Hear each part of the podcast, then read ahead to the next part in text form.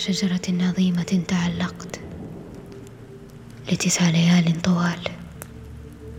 برمح مجروح ضحيت لأودن نفسي لنفسي على تلك الشجرة العظيمة. أودن حاكم أسغارد الإله الذي ضحى بنفسه في سبيل المعرفة. له ألقاب كثيرة. ففي كل مدينة تزورها تسمع له اسما جديدا. إنه الإله الأعظم الأب الأكبر إله السحر والشعر والفنون. إنه أيضا إله المشانق الإله المعلق. وفي بعض الأحيان الإله الأعور.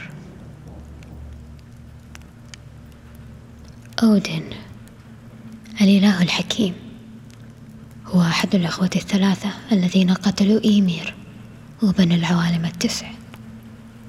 في يوم من الأيام في زمن قديم جدا لا تتذكرونه عندما كانت العوالم في بداية نشأتها كان أودن جالسا على عرشه وأرسل غرابيه مون وهوجن ليأتيه بأخبار العالم وليشاهد العوالم من عينيهما. تفكر في جمال العوالم وقرر في تلك اللحظة أن يعرف أسرار الكون. عرف أودن ببحثه الأبدي عن المعرفة فقد سرق شراب الشعر من العملاق ستنجر وأهداه للآلهة ولمن يستحق من البشر. ومن هنا بدأ الشعر والغناء يصدى في قاعة ميدغارد. ولكن بالطبع ليس هناك شاعر أفضل من أودن ولا ننسى كيف خاطر بحياته عندما ذهب إلى عالم الموتى هيل ليبحث عن عرافة ماتت منذ القدم ليتعلم منها نبوءات راغنروك كل هذا وما زال يشعر بأنه بقي الكثير ليتعلمه. لذلك في يوم من الأيام ارتدى قبعته ورداءه وبدأ رحلته المحفوفة بالمخاطر. رحلته بدأت في يوتنهايم. عالم العمالقة. لم تكن رحلة سهلة أبدا. كان يمشي بين أعدائه. ففي أي لحظة قد يكشف أمره. لم يكن كل هذا العناء هباء. إنه كان يسعى لعملاق قيل أنه أذكى مخلوق وجد. ميمير هو اسمه.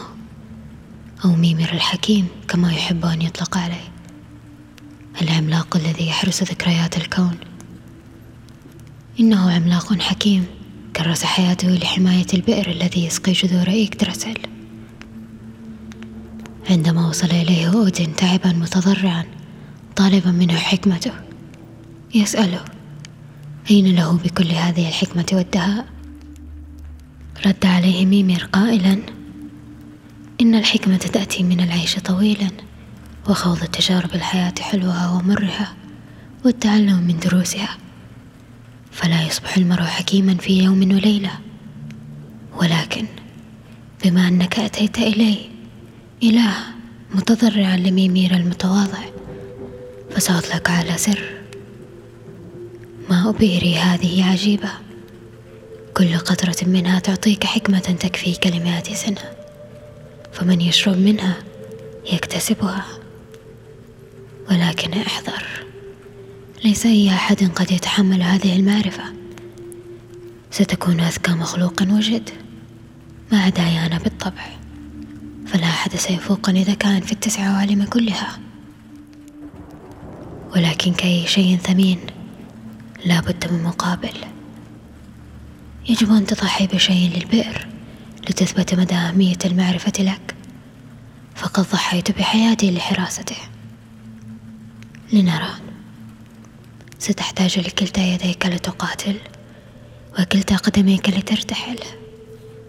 ولكن لا تحتاج لكلتا عينيك لترى.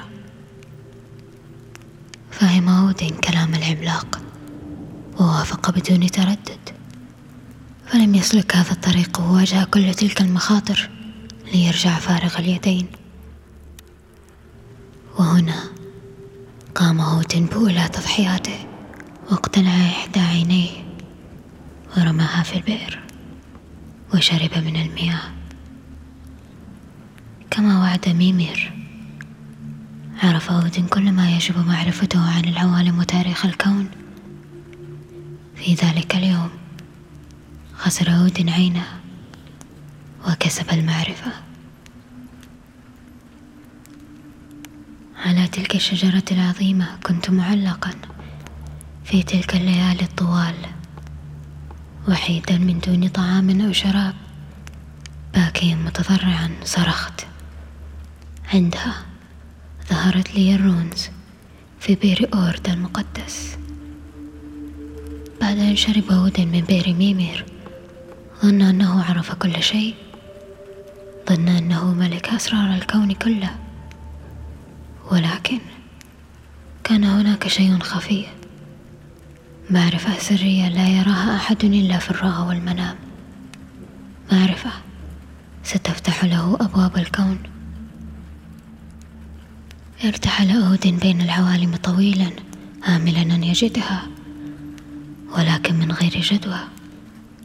وفي يوم ما بعد سنين من البحث عندما لم يجد حلا لتساؤلاته في العوالم التسع كلها قرر عندها أن يبحث في المكان الذي يربط الكون ببعضه. يغدراسل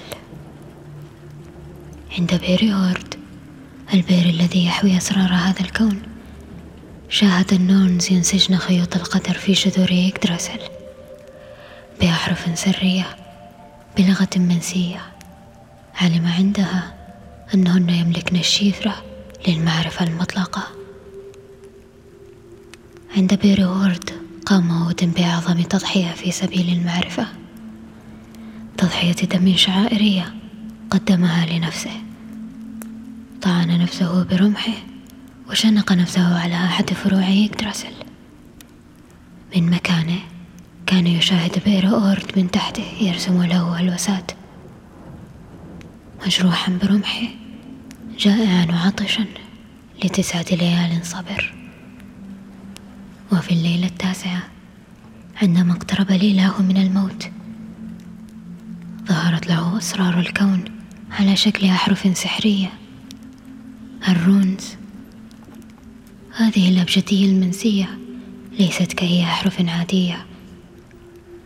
كل حرف يمتلك قوى سحرية وعندما تستخدم هذه الأحرف بالطريقة الصحيحة لها القدرة على إلقاء أقوى التعاويذ. وبصرخة مدوية وصل صداها لكل العوالم. نزل أودن من الشجرة ووقف كإله جديد أعظم إله وأذكى مخلوق وجد. في هذه اللحظة عرف أودن أسرار الكون ما كان وما سيكون. عرف كيف يشفي المرضى ويحيي الموتى.